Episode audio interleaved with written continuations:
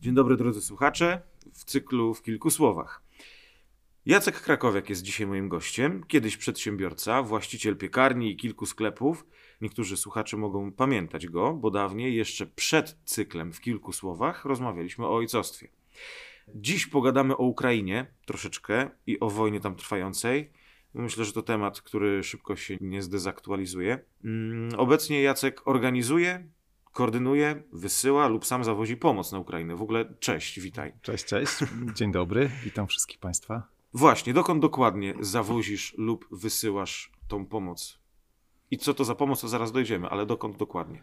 No, no jest szereg miejsc. Myślę, że takim naj, najbardziej logicznym miejscem, gdzie ta pomoc jest potrzebna, no to są te miejsca, gdzie były takie najbardziej zacięte po prostu walki. Dosyć, dosyć sporo cywilów ucierpiało w tych walkach, czyli mam na myśli środkową, północną część Ukrainy, Wschodnią, tam Mariupol... I później wschód, wschód, tak. Wiemy, że początkowa faza tej wojny ukraińskiej wyglądała tak, że wojska rosyjskie zaatakowały Ukrainę można powiedzieć, z dwóch kierunków, od północy w stronę Kijowa i, po, i od wschodu, tam gdzie była ta Republika Donbasu do, tej pory, prawda, I, i te różne miasta, które dzisiaj znajdują się pod władzą rosyjską już, prawda, które należały do niedawna do, do Ukraińców. No więc e, można powiedzieć, że tą, tą pierwszą pomoc, którą udało nam się zorganizować w ramach tej organizacji misyjnej i charytatywnej, dla której teraz pracuję, to zawieźliśmy do, do Kijowa i, i okolic. Można powiedzieć, że to, to była taka niesamowita podróż, bo byliśmy w Kijowie gdzieś chyba z 3-4 dni po tym, jak Rosjanie się wycofali stamtąd. No ale okazało się, że w Kijowie tej pomocy humanitarnej jest już w tym momencie naprawdę bardzo dużo.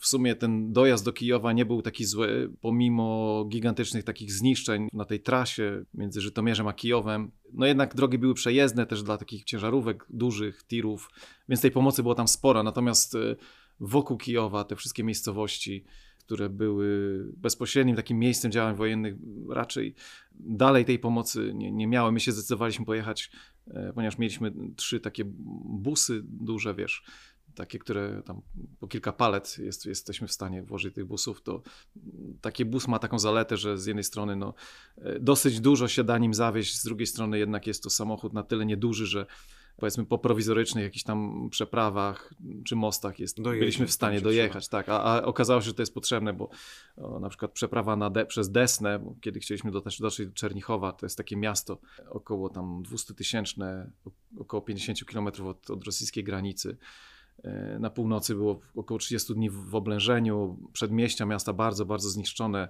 E, generalnie właśnie brak wszystkiego, kiedy tam dotarliśmy. No, Myślę, że to, było, to była dobra decyzja. Jeszcze powiem może, może kilka takich historii. To może za, za minutkę mm, okay. o historiach. A co, co to za pomoc jest? Czy to są ciuchy, czy to jest żywność, czy to są to, co kiedyś mówili na początku wojny, czyli tam jakieś karimaty, koce, bandaże, środki opatrunkowe? Znaczy to... czy, czy broń wozicie? No broń raczej nie, chociaż, chociaż wielu Ukraińców uważa, że jest to najbardziej potrzebna im w tym momencie pomoc, prawda? Mhm. No ale no, funkcjonując jakoś na tych zasadach pomocy charytatywnej, jednak staramy się zaspokajać te pierwsze potrzeby, nie? W związku z tym no, no wozimy wszystko, co jest takim artykułem pierwszej potrzeby, w zależności od miejsca i to wchodzi wszystko, prawda? To, co wymieniłeś. Oprócz tego jeszcze jakaś chemia typu mydła, szampony, pampersy, prawda, te, no, tego typu rzeczy. Część tych rzeczy kupujemy, po prostu mamy jakieś tam środki przekazane przez różne, przeważnie prywatne osoby. Akurat to, to czym dysponuję w tym momencie, to, to głównie z zachodu pochodzi. A część to są jakieś używane rzeczy, które ludzie przynoszą, decydują się oddać. To, to jest tak Okej, okay. wspomniałeś o historiach. Chciałeś po, po, przytoczyć jakieś historie. No, wydaje mi się, że, że te jakby takie właśnie historie życia poszczególnych osób naj, najbardziej jesteśmy w stanie się z tym utożsamić, najbardziej sta, w stanie jesteśmy jakby przez pryzmat tych osobistych przeżyć poszczególnych osób zobaczyć tą całą sytuację, jaka, jaka panuje. Wiadomo, że znamy statystyki jakieś i tak dalej, ale to nam no, po prostu nie jest w stanie uzmysłowić, jak rzeczywiście funkcjonuje, funkcjonują prawda, poszczególne osoby w tym całym chaosie, chaosie wojny. Pamiętam, że właśnie w ramach tego wyjazdu wtedy w stronę Kijowa i Czernichowa, o którym wspominałem, wracając, e, zahaczyliśmy o, o taką, takie nieduże miasteczko Niżyn, czy Niżne, jak, jak po polsku, może niektórzy na, na to mówią. I tam, no, dzięki takiemu wskazaniu jednego z kapucynów, których spotkaliśmy w Kijowie, dotarliśmy na, na parafię, jedyną katolicką parafię w tym, w tym miasteczku i okazało się, że po prostu pomimo tego, że Rosjanie wycofali się stamtąd kilka dni wcześniej, to, to miasteczko jest dalej po prostu no, pozbawione właściwie wszystkiego. I taką, taką niesamowita po prostu historia jest związana z tym, że wiesz, no proboszcz tej parafii po prostu dzień wcześniej modlił się, już był po prostu doprowadzony przez te braki do takiej sytuacji, że po prostu no, modlił się, żeby Bóg jakoś w cudowny sposób zaspokoił te, te pierwsze potrzeby po prostu i jego, i jego parafian, ludzi wokół.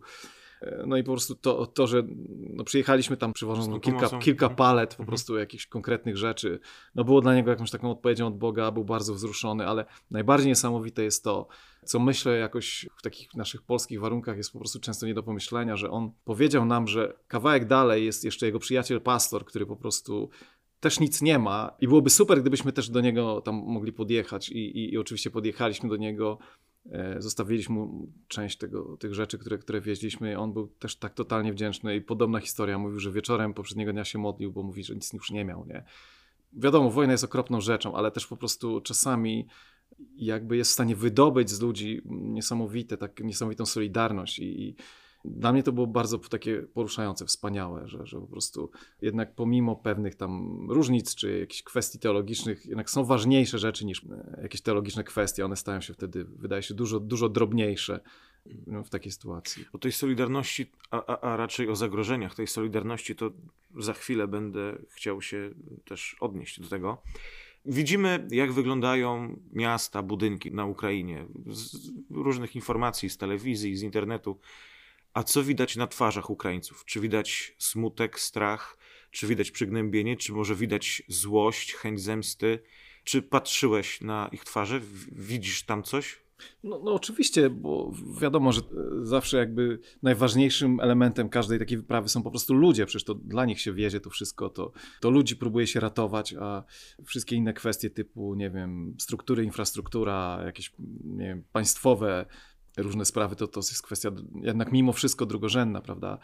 Znaczy, myślę, że pierwszą rzeczą, którą warto byłoby zauważyć, to to, że, że ten telewizyjny obraz wojny na Ukrainie jest w pewnym sensie przesadzony, ponieważ no to jest myślę, że znane z polskich mediów takie podejście, że, że media się zawsze koncentrują na po prostu takich najbardziej widowiskowych, bym powiedział. No im gorsza elementach. informacja, tym tak, lepsza. Tak, im gorsza informacja, tym lepsza. Najlepszą wiadomością jest ta najgorsza wiadomość, mm -hmm, prawda? Mm -hmm. Więc te wszystkie obrazy po prostu zdemolowanych miast, po prostu zrównanych z ziemią domostw, E, prawda, zamordowanych ludzi, no to się rzeczywiście, rzeczywiście dzieje, ale po prostu mam wrażenie, że to jest troszkę tak, jak gdyby ktoś przyłożył szkło powiększające w jakieś jedno miejsce, prawda, i na podstawie tego próbował pokazać, jakby, jak wygląda w ogóle życie na Ukrainie. Oczywiście to, to jest kompletnie nieprawda.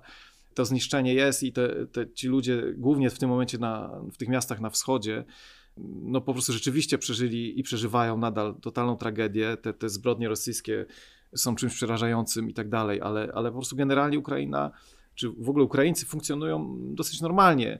Okazało się po tych paru miesiącach wojny, że armia ukraińska sobie całkiem przyzwoicie radzi, w tym obrona przeciwlotnicza myślę, że była pewnym zaskoczeniem dla e, armii rosyjskiej. Więc generalnie nie jest tak, że rosyjskie lotnictwo jest w stanie penetrować tą przestrzeń powietrzną Ukrainy, co sprawia, że życie w ogóle w kraju toczy się zupełnie normalnie i, i jak pytasz mnie o to, jak wyglądają twarze Ukraińców, no to wyglądają tak normalnie. jak wszędzie w mieście, w jakichkolwiek miastach wyglądają. No Myślę, że to, że, że jest mało uśmiechu i tak dalej generalnie na ulicach jest bardziej kwestią kulturową niż związaną z wojną, chociaż na pewno to ma jakieś znaczenie. Nawet sami Ukraińcy zauważają, że, że, że w porównaniu z Polakami no, są jednak takim trochę smutniejszym narodem. Ale no. żeby, żeby nie było tak optymistycznie spoko, mi się wydaje, że na naszych polskich ulicach też jest coraz mniej uśmiechu. Ludzie są coraz biedniejsi, ale to już jest inny temat. Przepraszam, że ci przerwałem. No okej. Okay. myślę, że, myślę, że to, te kwestie się jakoś tam ze sobą łączą, prawda? Szczególnie biorąc pod uwagę e, te różne pytania, które się zaczęły pojawiać wśród Polaków na temat ukraińskiej pomocy, szczególnie tej, którą nasze państwo próbuje jakoś tam organizować. Mhm jakbyśmy się umówili w ogóle, a się nie umawialiśmy, bo powiedziałeś o pomocy, a to jest właśnie to, o, o, co teraz chcę pytać. No bo pomoc jest czymś, co na dobrą sprawę jest, jest czymś wskazanym i czymś chwalebnym oczywiście. Jednak jak sądzisz, po tym, co tam widziałeś i po tym, czym się teraz zajmujesz, czy pomoc sąsiadom, chociażby byli najmilsi, najwspanialsi, najcudowniejsi, nie powinna się kończyć albo chociażby ograniczać wtedy, kiedy się zaczyna robić już niedobrze dla samego siebie, zaczyna się szkodzić samemu sobie? To jest bardzo skomplikowana kwestia i też jakaś filozoficzna i teologiczna, więc po prostu myślę, że to bez końca można byłoby o tym, o tym mówić. A ja bym po ludzku, tak po ludzku po podejść do Tak. tego. Mhm. Znaczy ja myślę, że uzyskanie tej ludzkiej odpowiedzi bez poruszenia jakichś tam tych głębszych kwestii po prostu jest niezrozumiałe i może trudne w ogóle do jakiegoś takiego ogarnięcia umysłem i sercem. Dlatego myślę, że, że no, dobrze jest sięgać do jakichś wzorców, do jakichś, do jakiejś mądrości, która, która po prostu próbuje Jasne, nam Oczywiście. uzmysłowić, co jest, jest realną wartością, a co jest tylko po prostu jakimś doraźnym celem. Ja myślę, że masz rację mówiąc o tym, że, że po prostu pomoc jest i z punktu widzenia takiego ludz, ludzkiej solidarności, i z punktu widzenia jakiegoś takiego, takiego Bożego miłosierdzia, które jesteśmy zobowiązani jednak okazywać, że jest czymś potrzebnym, wartościowym i tak dalej, i tak dalej. No ale to wydaje mi się, że tutaj wchodzi w grę też pytanie o pewną sprawiedliwość, prawda? No ja jestem akurat zwolennikiem e, takiego zrozumienia pomocy, że pomoc powinny świadczyć e, organizacje prywatne i, i osoby prywatne, natomiast e, nie jestem zwolennikiem pomocy świadczonej przez państwo, chociaż rozumiem te poglądy, szczególnie niektórych przedstawicieli Caritas, że bez pomocy powiedzmy strukturalnej, państwowej, no tam trudno jakoś w realny sposób zmienić opłakaną sytuację, prawda, wie, wielu osób. I, I rozumiem to, że, że po prostu różnice sprawia, prawda, powiedzmy 10 tirów konkretnej pomocy, a nie tam nasze trzy busy. To wszystko rozumiem, ale wydaje mi się, że, że jednak ja przynajmniej mam takie zrozumienie państwa, że państwo nie jest powołane do świadczenia jakiejkolwiek pracy charytatywnej. Raczej powinno się skupić na, jak to e, jesteśmy pouczani w, w liście do Rzymian, szczególnie w 13 rozdziale tego listu, raczej powinno się skupić na pilnowaniu sprawiedliwości, a wydaje mi się, że no gdzieś tutaj ta sprawiedliwość jest za, zachwiana, kiedy, prawda, myślę, że, że każdy przeciętny Polak rozumie, że coś nie tak jest z tą sprawiedliwością, kiedy okazuje się, że, że obywatel prawda, obcego państwa ma za darmo, powiedzmy, przejazdy autostradowe, bilety w niektórych miastach, czy, czy dostęp, powiedzmy, do, do służby zdrowia przed prawda, obywatelami polskimi. No, wydaje mi się, że coś tu jest nie tak. Wydaje mi się, że to, to nie, raczej nie jest pomoc, tylko takie trochę działanie długofalowo szkodliwe, które raczej animozję tworzy, prawda, Właśnie między naszymi mhm. narodami, które jednak się bardzo zbliżyły po prostu dzięki temu zaangażowaniu wie, wielu prywatnych osób, prawda, bo to jest myślę pewien fenomen tego całej, tej całej sytuacji, że Polacy jednak otworzyli swoje serca, często domy, portfele, wszystko co mieli, dostrzegając tą biedę po prostu zwykłych ludzi, których dotkniętych wojną, prawda, no myślę, że to, to wmieszanie się polityków, którzy próbują, mam wrażenie, zrobić trochę kapitał polityczny na tej, na tej całej sytuacji, jest bardziej szkodliwe niż, niż pomocne w tym wszystkim. No. no tą solidarność naszą to może ostro naruszyć. Tak mi się wydaje, tą solidarność Polaków z Ukraińcami i nawet wewnątrz, wewnątrz siebie. Polak z Polakiem może być na maksa poróżniony, mi się wydaje. Już coraz bliżej jesteśmy takich właśnie sytuacji, że, że będziemy się kłócić między sobą. Po prostu będziemy się o to między sobą kłócić. No, tak mi się wydaje. Bardzo bym nie chciał, żeby, że tak powiem, to, co się zaczęło w tak szlachetny sposób, zakończyło się jakąś po prostu chryją, mówiąc kolokwialnie. Mhm. No, mam, na, mam nadzieję, że jednak, że jednak po prostu do tego nie dojdzie. Jacek, sprowadzono pomoc tylko do formy materialnej. I okej, okay, bo komuś, kto ma pusty brzuch i jest brudny, trudno mówić o Chrystusie, trudno takiego człowieka ewangelizować. Najpierw trzeba mu ten brzuch napełnić, żeby jego funkcje życiowe przywrócić najpierw, nie?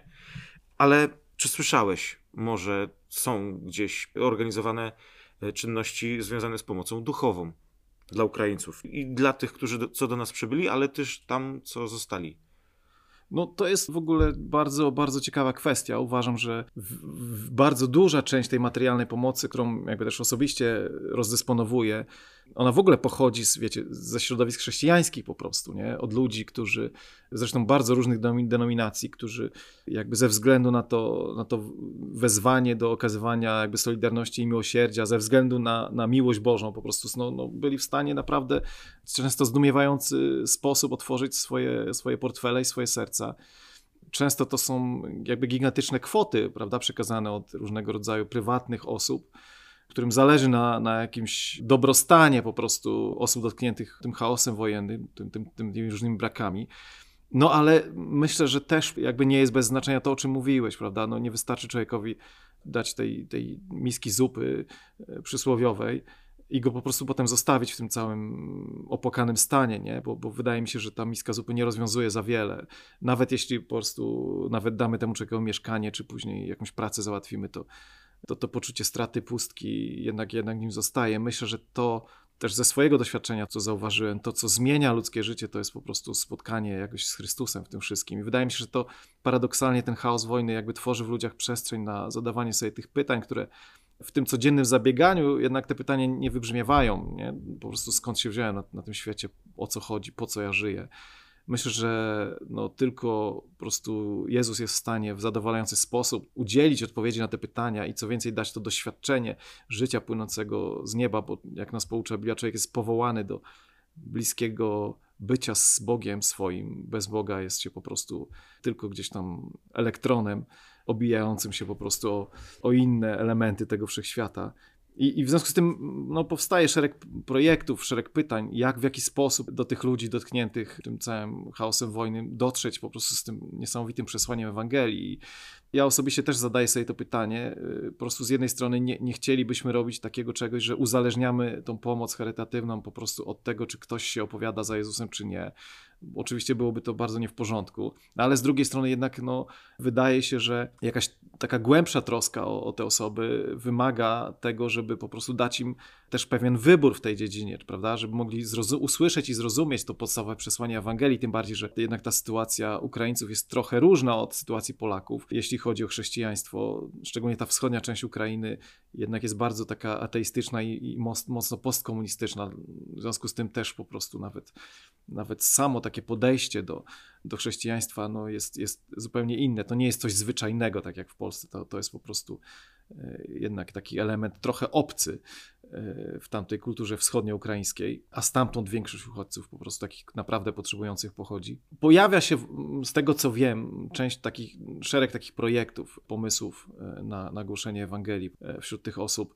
Cały czas jednak to, to chyba jest po prostu Cały w sferze raczej, raczej planowania i, i, i, takiego, takiego po prostu rozwijania projektu. No, natomiast nie słyszałem jeszcze o, o jakiejś takiej regularnej służbie wśród, wśród tych osób. No jest to jednym z mo moich celów, moich pytań, nie? Prawda? jak to zrobić w sposób taki, który byłby z jednej strony nie niepokojący dla nich, z drugiej strony po prostu, żeby jednak tą możliwość odkrycia tego wspaniałego życia w Chrystusie przed nimi no, po prostu jakoś roztoczyć.